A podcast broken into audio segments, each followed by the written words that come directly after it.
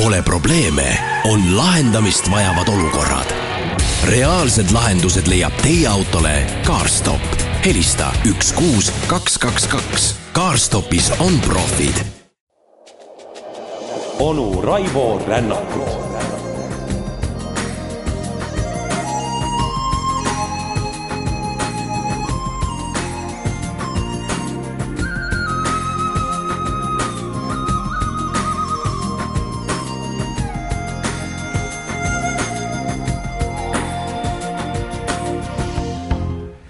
ja kaunist pühapäeva, head sõbrad. kaunist, säärane see pühapäev tõesti on ja helgeks tundub ta terve tänase päevaga jäävat ning ütlen teile etteruttavalt, et toredaid ja helgeid hetki kuulete te tänases Kuku programmis veelgi, aga sellest võib-olla saate lõpus.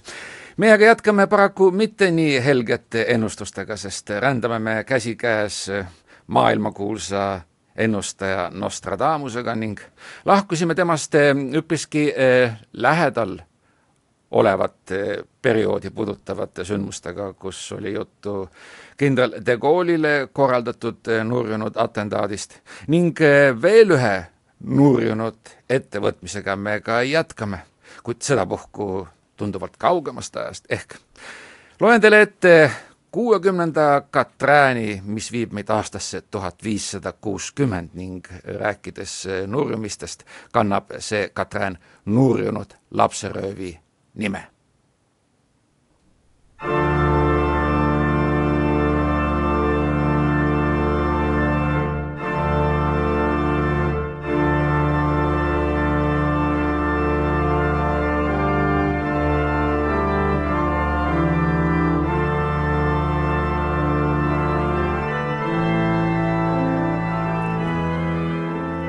kaugel keldi kodumaast printsi petab tõlk, ära ta annab.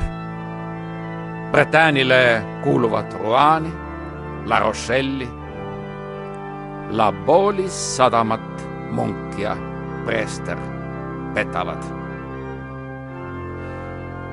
vot selline üpriski segase sisuga Katrään, mida asjatundjad on üritanud lahti muukida järgmisel viisil.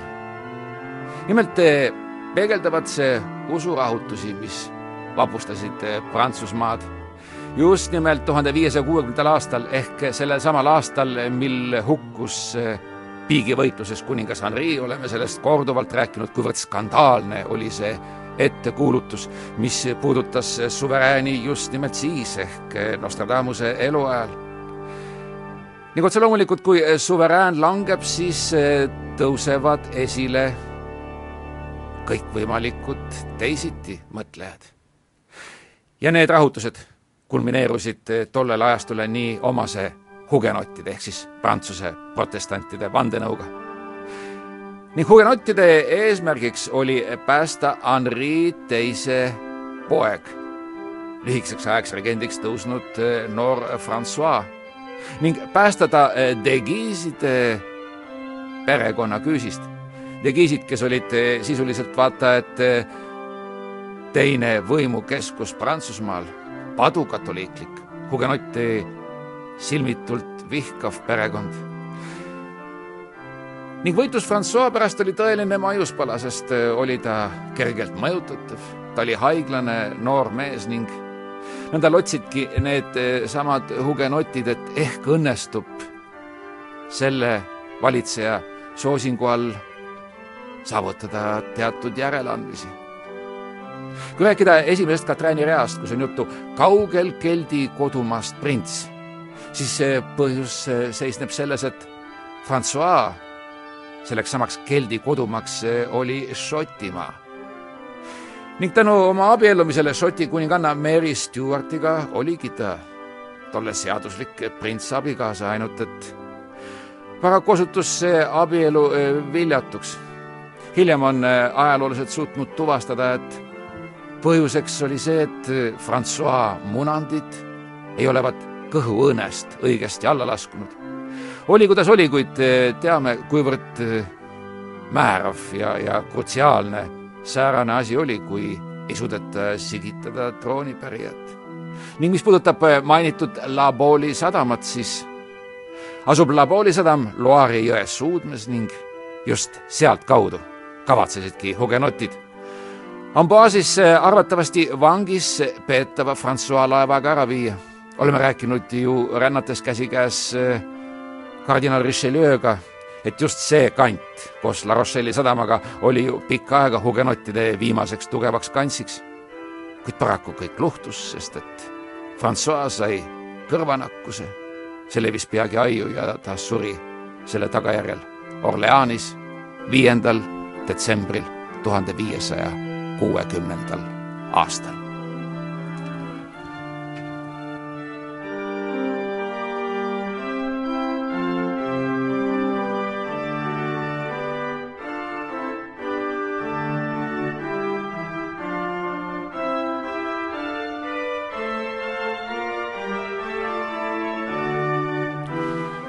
Ning läheme selle nurjunud lapseröövi juures siis eh, juba veelgi õõvastavamate sündmuste juurde ehk eh, hugenottide massitapmise ja Pärtliöö juurde. nii viibki meid sinna eh, seitsmekümne teine Katrään, mis loomulikult kommenteerib tuhande viiesaja seitsmekümne teist aastat ning need neli rida on järgmised. kõik Marseille asukad elupaika muudavad. kuni Lyonini neil tagaajad kannul Narbonni, Bordeaux, Toulouse'i kallal vägivalda pruugivad ligi miljon põgenikku surma saavad.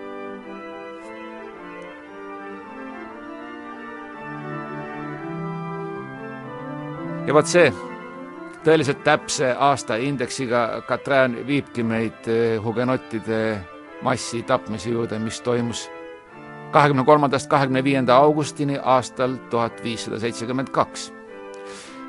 kusjuures Katrini viimases reas mainitud eh, miljon põgenikku ei ole täpne number.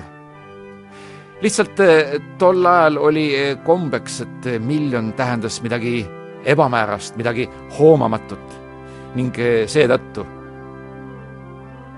panebki Nostradamus eh, selle arvu nii-öelda eriti tähendusrikkana kirja.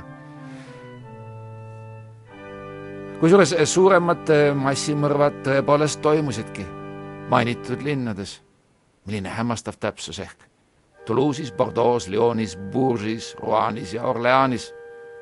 väiksemad säärased lisaks ka Marseille's ja Narbonne'is ning kui rääkida otsesest eh, hukkunute arvust, siis eh, arvatakse, et tõenäoliselt surmati kümnest tuhandest kuni saja tuhande inimeseni.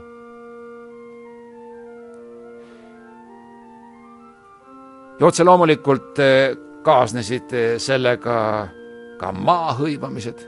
oli hugenottide hulgas palju mõjukaid aadlikke ja otse loomulikult üritasid kadetsejad nende karistamisest kasu lõigata. nii ongi see periood läinud äh, ajalukku kui suur, kui soovite, malenuppude ringi tõstmine, millel paraku oli aga äärmiselt tugev veremaik.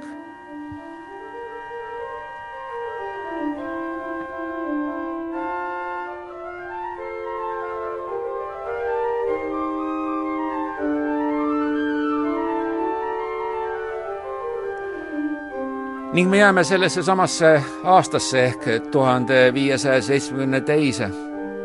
ka Katrin on numbriga seitsekümmend kaks ning oh üllatust, see algab uskumatult täpse aastaarvuga, mis ei ole üldsegi tüüpiline Nostradamuse Katrinidele ning kõlab siis eh, sääraselt. tuhande üheksasaja üheksakümne üheksanda aasta seitsmendal kuul suur õuduse kuningas laskub taevast. suure Angelemi kuninga ellu äratab enne ja pärast Marss pika tunni valitseb.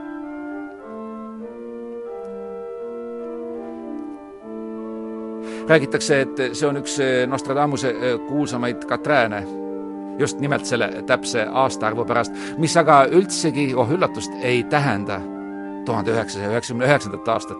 muide, selle väärtõlgendus põhjustas eh, sellesama tuhande üheksasaja üheksakümne üheksanda aasta juulis eh, meie kaasaegsetes ka eh, teatavat paanikat, sest et paljud inimesed uskusid, et just see aastaarv tähendabki maailma lõppu.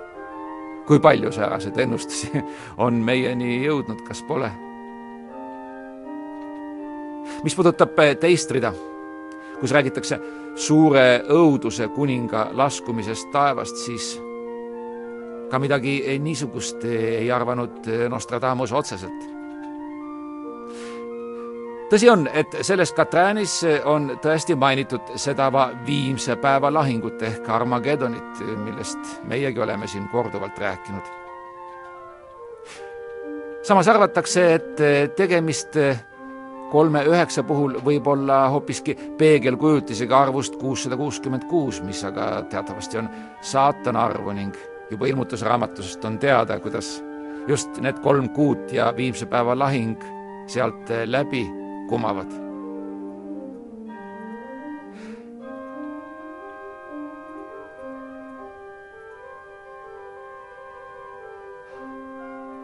seda kontseptsiooni on eh, toetanud nõndanimetatud Kristuse vendade sekti liikmed. kusjuures eh, erinevalt eh, ametlikult kiriklikust doktriinist, mis tõesti tunnistab saatana kui säärase olemust, uskusid selle sekti liikmed, et ei ole olemas muud saatanat peale selle, kes vaatab meile vastu, kui me pilgu peeglisse heidame. niivõrd aktuaalne ja kaasaegne, kas pole? Ka seitse on tähendusrikas pühanumber, mida Nostradamus korduvalt kasutab. ning see mainitud suur Angelömi kuningas tähendab eh, lihtsalt eh, renessansi aegset kuningat, keda omamoodi ka humanistiks peetakse, ehk Prantsuse kuningas Francois või siis ka teise kirjapildiga Franciscus esimest sedasama kuningat, kes oli Leonardo da Vinci viimaseks patrooniks ning teda igati soosis. siit ka siis number üks. ning mis puudutab äh, Francois esimest, siis tema pojapoeg Charles Üheksas lubas oma emal Katariina de Medicil koos sellesama hertsog Henri de Guise'iga päästagi valla meie poolt juba mainitud hugenottide põrgu Pärtli öö näol sel samal tuhande viiesaja seitsmekümne teisel aastal. siit ka siis marss, mis oma pikka tundi valitseb.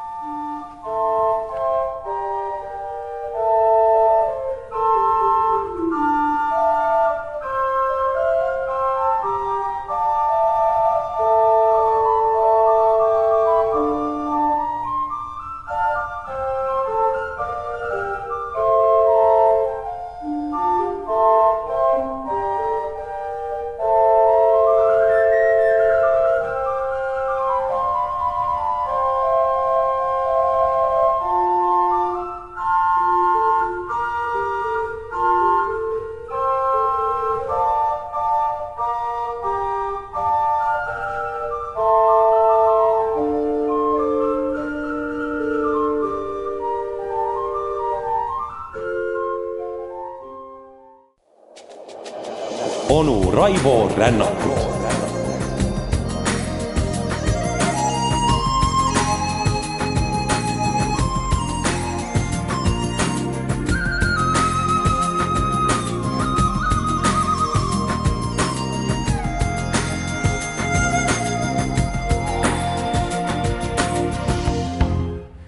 niisiis, tere tulemast tagasi, sõbrad, ning eh, tere tulemast rändama veteavarustesse ning sedapuhku me vaatame idamaise maailmajao poole.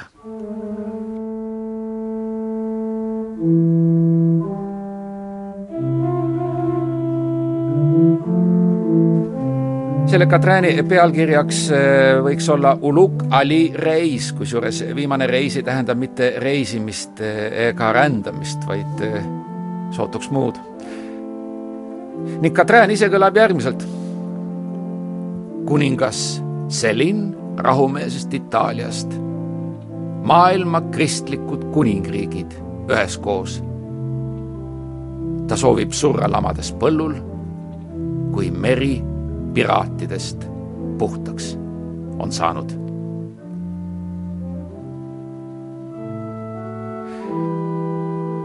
ehk otseselt viiakse meid eh, tõesti eh, veteavarustele. samal ajal mainitakse isikut, kes tahaks eh, hoopiski surra rahumeelselt nii-öelda põllul ning ettevõttavalt olgu öeldud, et sellel peakangelasel see tõesti ka õnnestub kuid Katrääni sisu, mis viib meid aastasse tuhat viissada seitsekümmend seitse, käsitleb eh, üht suurt nuhtlust, mis räsis eelkõige Vahemere maid ning eh, kelleks olid eh, Põhja-Aafrika päritolu berberi piraadid.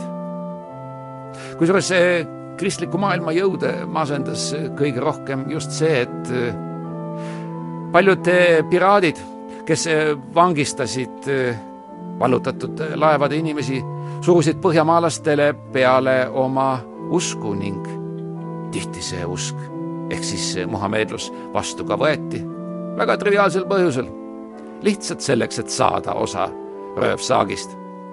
ning üheks sääraseks poolte vahetajaks oli üks Osmanite impeeriumi kuulsamaid korsaare, seesama mainitud Uluk, teise nimega ka öeldi Ali Reis. kusjuures nagu juba öeldud, siis reis tähendab siinkohal hoopiski admirali ning see mainitud mees tegutses just äh, ajavahemikul tuhat viissada seitsekümmend kuus kuni tuhat viissada seitsekümmend kaheksa äärmiselt aktiivselt. muide, sellesse perioodi äh, mahub ka kuulus Lepanto lahing, kus teatavasti kristlikud galeerid äh, andsid hävitava löögi türklastele. kuid vaatamata selle lahingu tulemile kogus see isik sellest vaatajat kuulsust juurde huvitav on kindlasti paljudele lugenud sõpradele ka see, et äh, omal ajal oli berberite pantvangiks meile kõigile tuttav maailmakuulus kirjanik Miguel de Cervantes Saavedra ning oma Don Quixotes ta muide mainib seda isikut. ning äh, see Ulukali ongi Nostradamuse mainitud Katrin esimeses reas kuningas Selin rahumeelsest Itaaliast. ja tõesti, tõesti, Itaaliast, sest sündides on selle mehe nimi hoopiski Giovanni Dionigi Galeni. mees oli pärit Kalabriast. ta võeti seitsmeteistkümne aastaselt vangi ning ta rügas mitu aastat galeeriorjana, kuni lõpuks ta võttis eelmainitutele sarnaselt vastu islamiusu ning ilmselt tegi ta õige otsuse, kui arvestada tema heaoluga, sest et mõne aja pärast sai ta orjast väikese purjelaeva ehk brigantiini omanikuks. seejärel omandas ta galeeri ning uskuge või mitte, tõusis ülemadmiraliks ehk selleks samaks reisiks. lisaks sellele sai temast eh, lõpuks Samose saare asehaldur, Aleksandria kuberner Tripoli paša ja lõpuks ka Alžiiri Beiler Bey ehk siis isandate isand. ning ta tõesti suri rahumeelselt põllu peal ehk Istanbulis külluses vanaduspäevi veetes. nii et eh, lausa kaelamurdev ja uskumatu karjäär ning see mees ongi maetud eh, Kilik Ali Pasha mošees, mille ta oli tellinud arhitekt eh, Mimar Sinanilt ning mis on nimetatud tema auks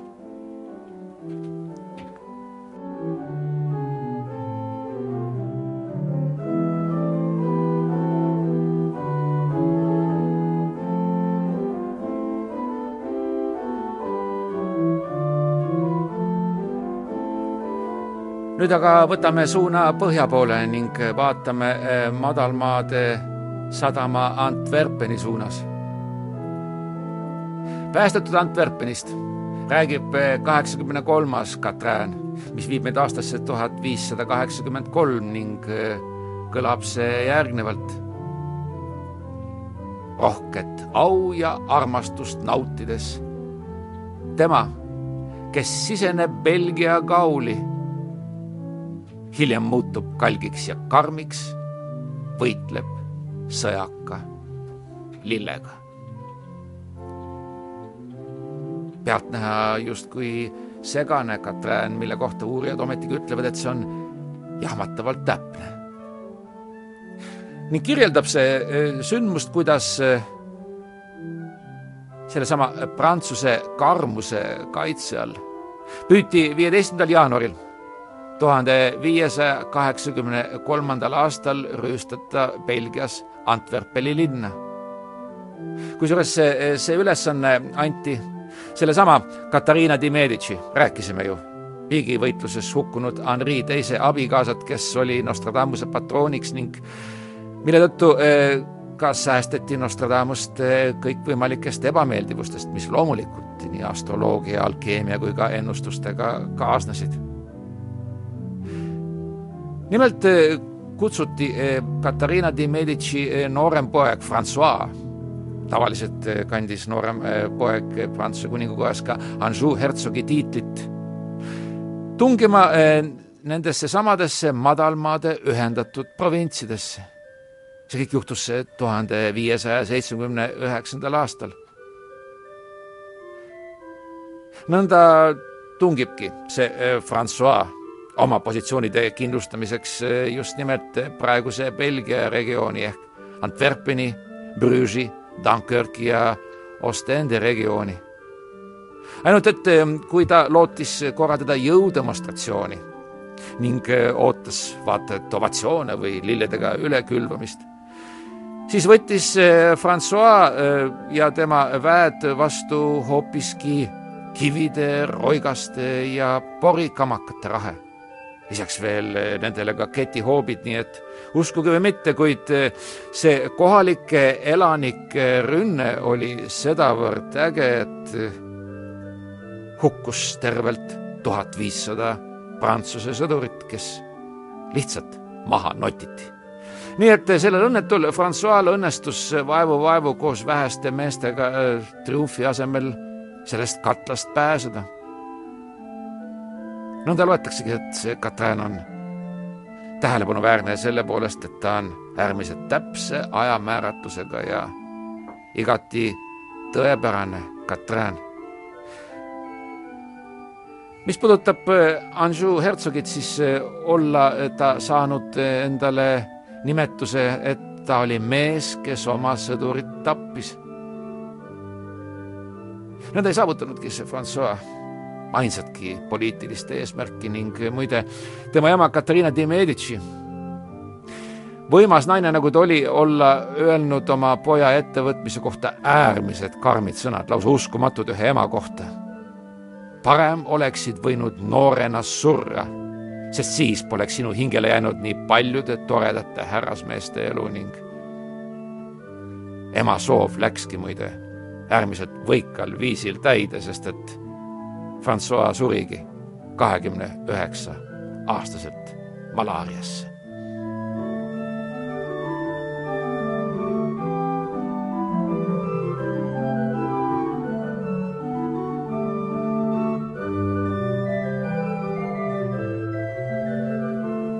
järgmine Katrin eh, viib meid eh, ühe sündmuse juurde, mis on eh, tänaselgi päeval äärmiselt aktuaalne on ju kõigil meil väga hästi meeles kõik need massimeeleavaldused, mis seotud äh, nõndanimetatud ACTA projekti ja massiliste meeleavaldustega, kus inimesed kandnud tänaval maske, mis pärit filmist Vee nagu veritasu.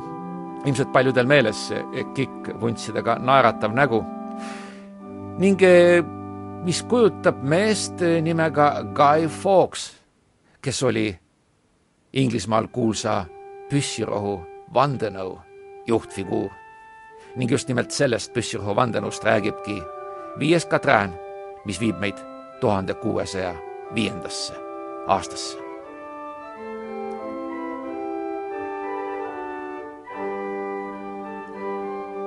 orjuse kukutamise püha varju all. rahvas ja linn kõik oma kätte võtavad. hoobi tal annab noore hoora reetlikkus. ta viiakse väljale, huulil valed luuleread. kusjuures see, see Katrääni viimane ehk neljas rida, mis prantsuse keeles kõlab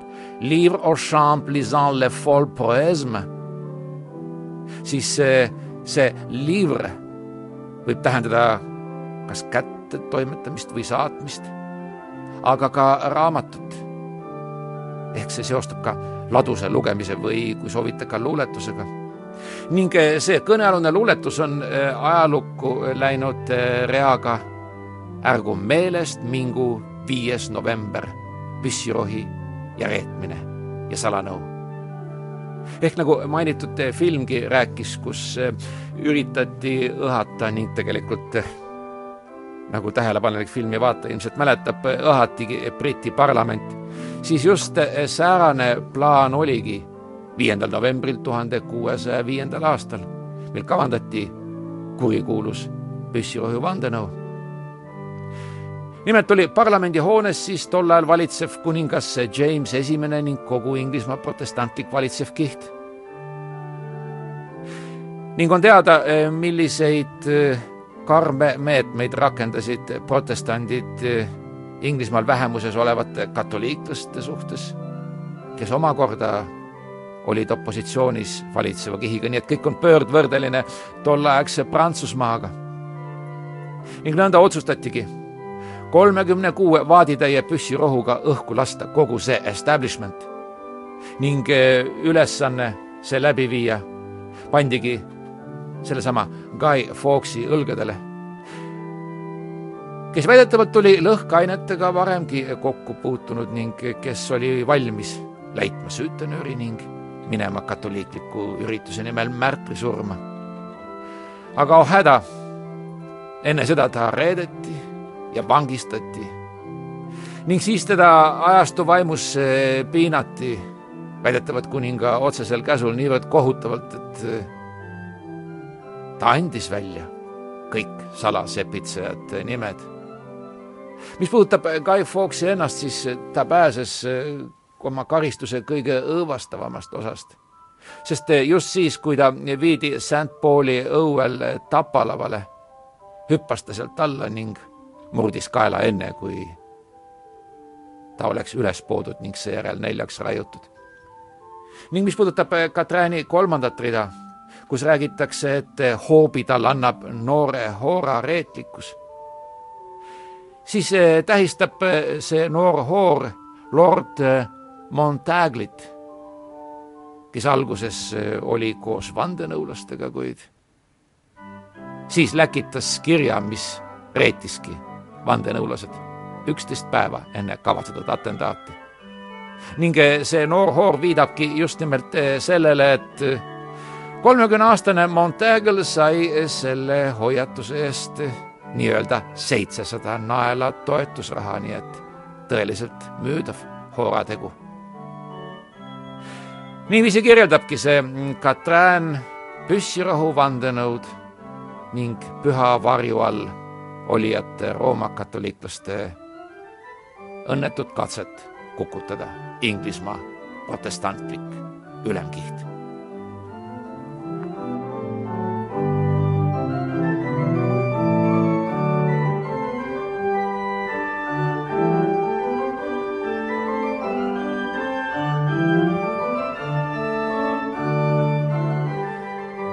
jääme veel kord eh, vanale heale Inglismaale, eh, tõsi küll, liigume edasi eh, kaheksakümmend kolm aastat edasi, jõudes tuhande kuuesaja kaheksakümne üheksandasse aastasse ning kaheksakümne üheksanda Katrääni read viivad meid järgmise kirjelduse juurde. kolmkümmend londonlast salaja sepitsevad oma kuninga vastu. see merelt tulema peab. surm tülgastab teda, ka paljusid fataliste valiti blond kuningas sündinud Friisimaal.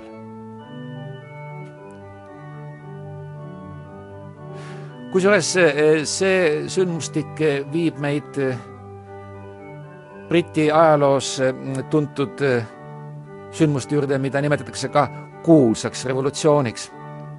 ehkki siiamaani on minu jaoks kummaline, miks ta just säärase nimetuse endale sai.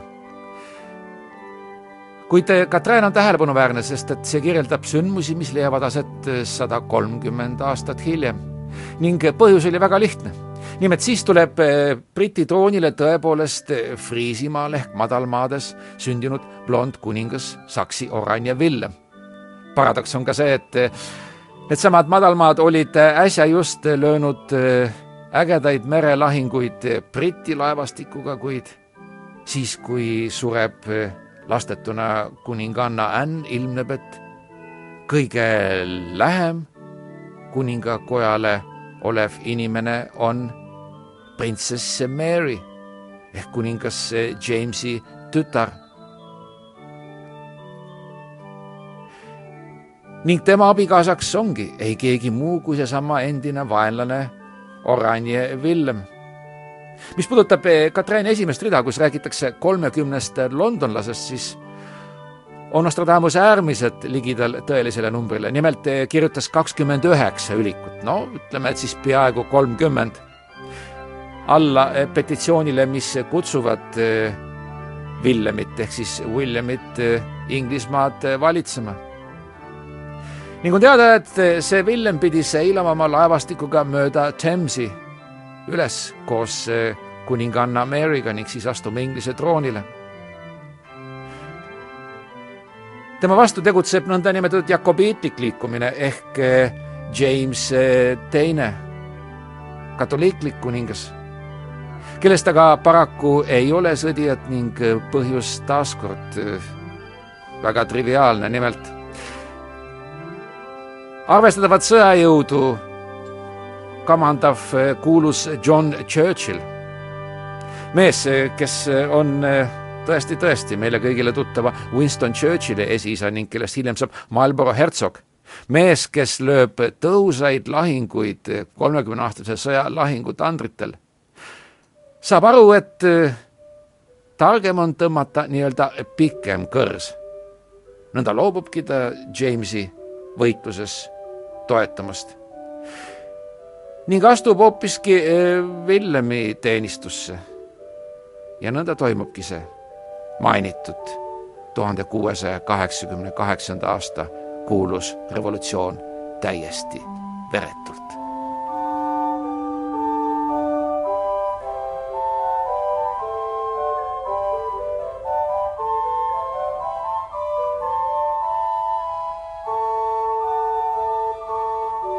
ning veel ühe revolutsiooni juurde, head sõbrad, läheme. palju verisema, palju õõvastavama, palju tülgastavama, kui lubate saatejuhil ennast nii väljendada, ehk läheme Prantsusmaale ja seda mõne hetke pärast.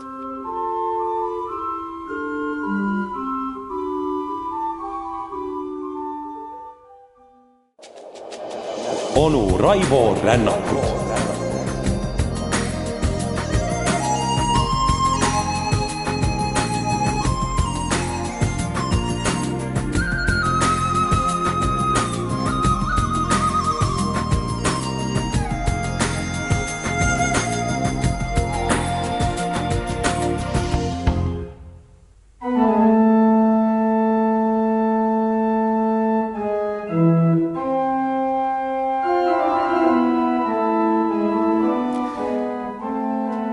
ja tänaste viimaste Nostradamuste mm, rännakut me alustamegi siis, nagu juba ette sai kuulutatud, selle suure ja verise revolutsiooni ehk Prantsuse revolutsiooniga. nõnda ongi Katrin numbriga kaheksakümmend üheksa, mis viib meid otse loomulikult tuhande seitsmesaja kaheksakümne üheksandasse aastasse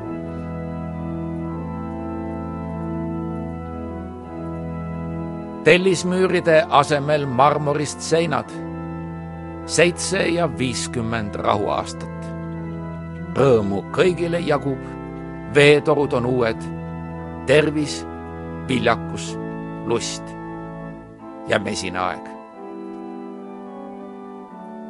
lausa hämmastavad read, kui mõelda vähemalt teie truu saatejuhi meelest kõikide nendele hädadele, mida tõi inimestele seesama suur Prantsuse revolutsioon kõikide ränk-raskete sõdadega ning ometigi räägib Nostradamus ja rõõmust ja tervisest ja viljakusest ja lustist, kuid põhjus järgmine. kui lugeda sedasama Catraini esimest rida, mis prantsuse keeles kõlab de brique en marbre seront le mur réduit, siis see sõna réduit seda tuleb äh, võtta nii, nagu see kirjas on, ehk vana prantsuse keeles, milles Nostradamus teatavasti kirjutas, tähendab see väikest eluaset. mitte tavapärasemat äh, onni, eriti võrdluses tellismüüride asemel marmorist seinad. mis tähendab seda, et selles Katräänis peitub tegelikult äh, sellele revolutsioonile omane võrdsusidee. ehk et hakatakse ehitama väiksemaid maju, samamoodi nagu paleesid eliidile ning et sellest jagub rõõmu kõigele. ja aastaindeks kaheksakümmend üheksa juhatab meid otse loomulikult Bastille langemisse neljateistkümnendal juulil tuhande seitsmesaja kaheksakümne üheksandal aastal siis kerkivad esile ju meile kõikidele nii tuttavad sümbolid. Liberté, egalite, fraternité ehk siis eh, vabadus, võrdsus, vendlus. ning eh, mis puudutab siis eh, neid mainitud lustlikke ettekuulutusi ehk siis rõõmu ja viitkümmet rahuaastat, siis peab Nostradamus siin silmas ajavahemikku kuni aastani tuhat kaheksasada nelikümmend kuus, kui palju hilisem suverään ehk Louis Napoleon põgeneb Hammi kindlusest ning see kõik viib järjekordse revolutsioonini, milleks on tuhande kaheksasaja neljakümne kaheksanda aasta veebruari revolutsioon. vaat millised kummalised keerdkäigud ja vaat millised kummalised epiteedid pealtnäha niivõrd õõvastavatele sündmustele. ning me jääme Prantsuse revolutsiooni sündmuste juurde ning räägime äärmiselt kuulsast episoodist, mil Prantsuse suverään Louis kuueteistkümnes eeskätt just oma abikaasa Marie Antoinette'i õhutusel ikkagi lõpuks üritab põgeneda pööbli vangistusest ning järgmine Katrin viibki meid kurikuulsa põgenemiseni Varenni. ning Katrin ise on järgmine öösel metsa kaks kuningat tulevad, ekslikult teele asunud paar. kuninganna valge kui kivi, kuningas hall, peakott nagu mungal varennis. salvitud ülik, kes põhjustas tormi, tuld, verd, lõikava löögi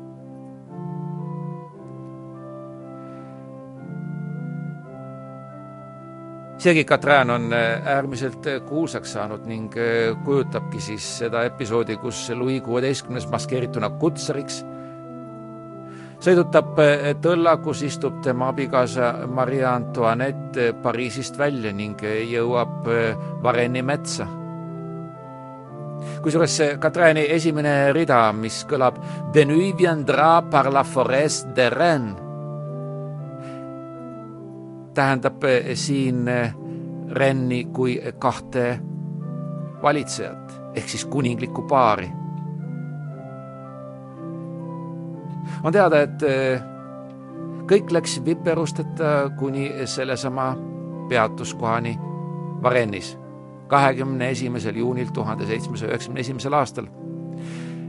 kui mainitud tõld peatus keha kinnituseks ja hobuste vahetamiseks Varennis arvata võib, et kuninglikule paarile sai saatuslikuks eh, nende liigne kuninglikkus. liialt eh, ilmselt pompöösne oli see tõld koos oma hiilgava paariga, kust lausa õhkus eh, varjamatut kuninglikkust ning otse loomulikult nähti see maskeering läbi, mille peale neid võõrustav prokurör ehk kohalik vürtspoodnik ja küünlavalaja härra Sos nad kinni pidas. on muide ka üks teine versioon, kus teiste allikate põhjal oli kinnivõtjana keegi Sandmene Huldi äärmiselt fanaatiline Girondin, mees nimega Jean-Baptiste Drouet, kes olla täiesti juhuslikult vaadelnud enda käes Louis d'Ori ning avastanud, et profiil sellel mündil on nagu kaks tilka vett pukis istuva kutsari omaga. nõnda tõstiski ta kisa ning õige pea olidki kohal põgenikke jälitavad vabariiklikud hussaarid. igatahes oli otsemaid selge, et see kuninglik paar ei olnud venelannast parunessi teenrid, nagu nad ennast tituleerisid. ning teine rida, mis räägib ekslikult teele asunud paarist ning kuningannast, kes oli valge kui kivi, räägib Maria Antonetti moekalt valgeks, täpsemalt siis kivivalgeks värvitud juustest ning ka silmatorkavalt valgest kleidist, mis otse loomulikult ei jäänud kellelegi märkamatuks. ning mis puudutab teise rea ekslikult teele asunud eh, paari määratust, siis oli põhjuseks just nimelt see, et eh, kuningas asus sellele rännakule just nimelt kuninganna õhutusel. Kuna kuningas ise olla olnud suhteliselt apaatne, isegi tuim, üleüldse, see oli Louis kuueteistkümnenda loomuses ning arvatakse, et kogu Prantsuse revolutsiooni eskaleerumine oligi põhjustatud kuninga tegevusetusest ning võib-olla ka liigsest heasoovlikkusest mitte lasta tulistada oma rahvast ning me teame, kuidas kõik kulmineerus. igatahes eh, sõna tranche neljandas reas. Et le cap cause tempest font cinq tranche osutabki eeldavatasti giljotiinile mille lõiketera, nagu me väga hästi teame, ka selle kuningliku paari elud pea kaks aastat hiljem lõpetab. niisiis on see lausa imepäraselt ettenägelik Katrään, mis räägib Louis kuueteistkümnenda ja tema naise Marie Antoinette'i nurjumisele määratud põgenemisest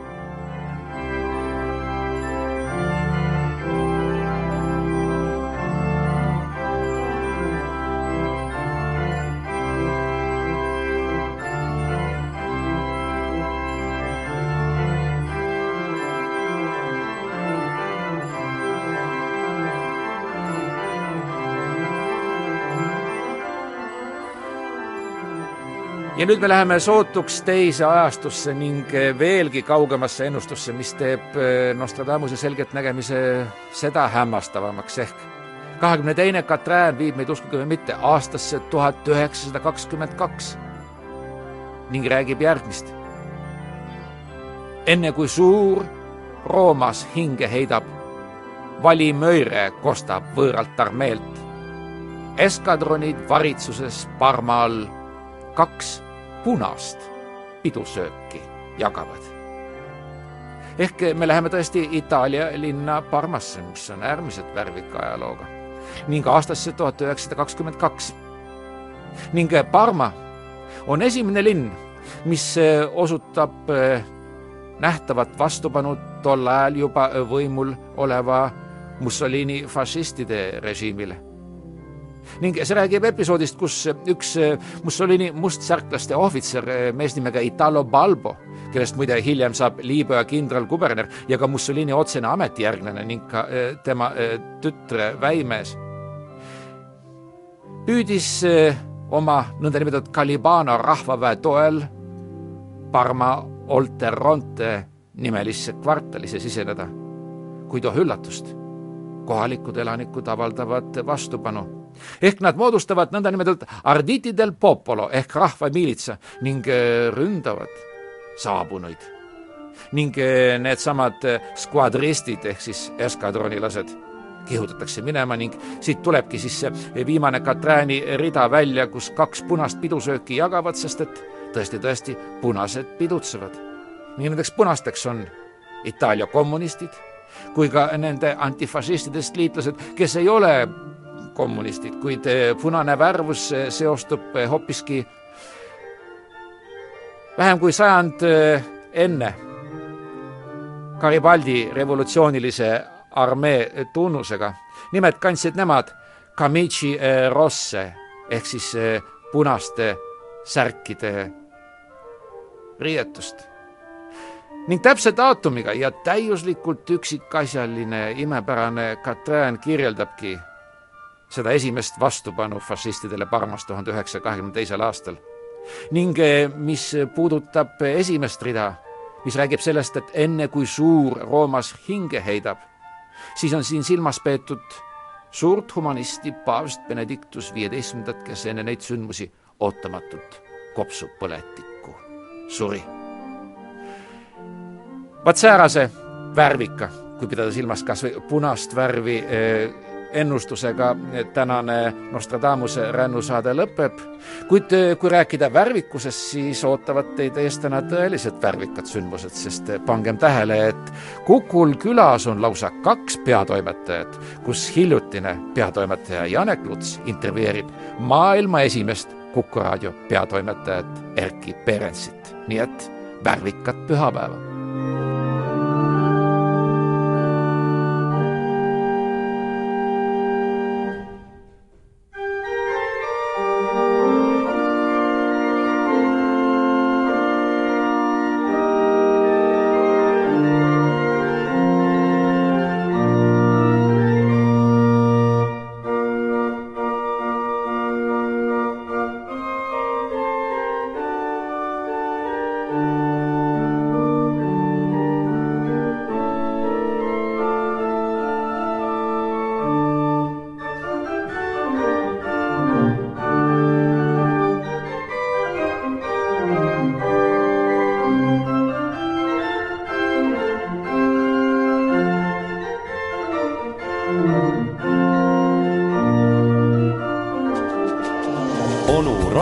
onu Raivo Rännak